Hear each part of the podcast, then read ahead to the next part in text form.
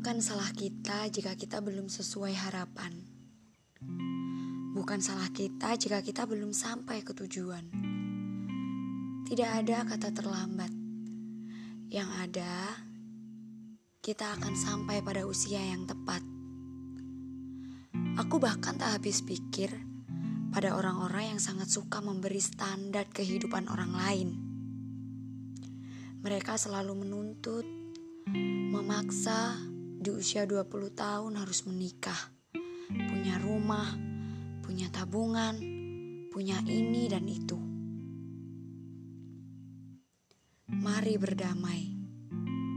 Raga kita adalah milik kita. Sebuah impian yang kita rencanakan adalah milik kita dan untuk kita. Mari berdamai. Tak apa kita jadi orang yang sial sekalipun. Karena setelah gelap terbitlah terang.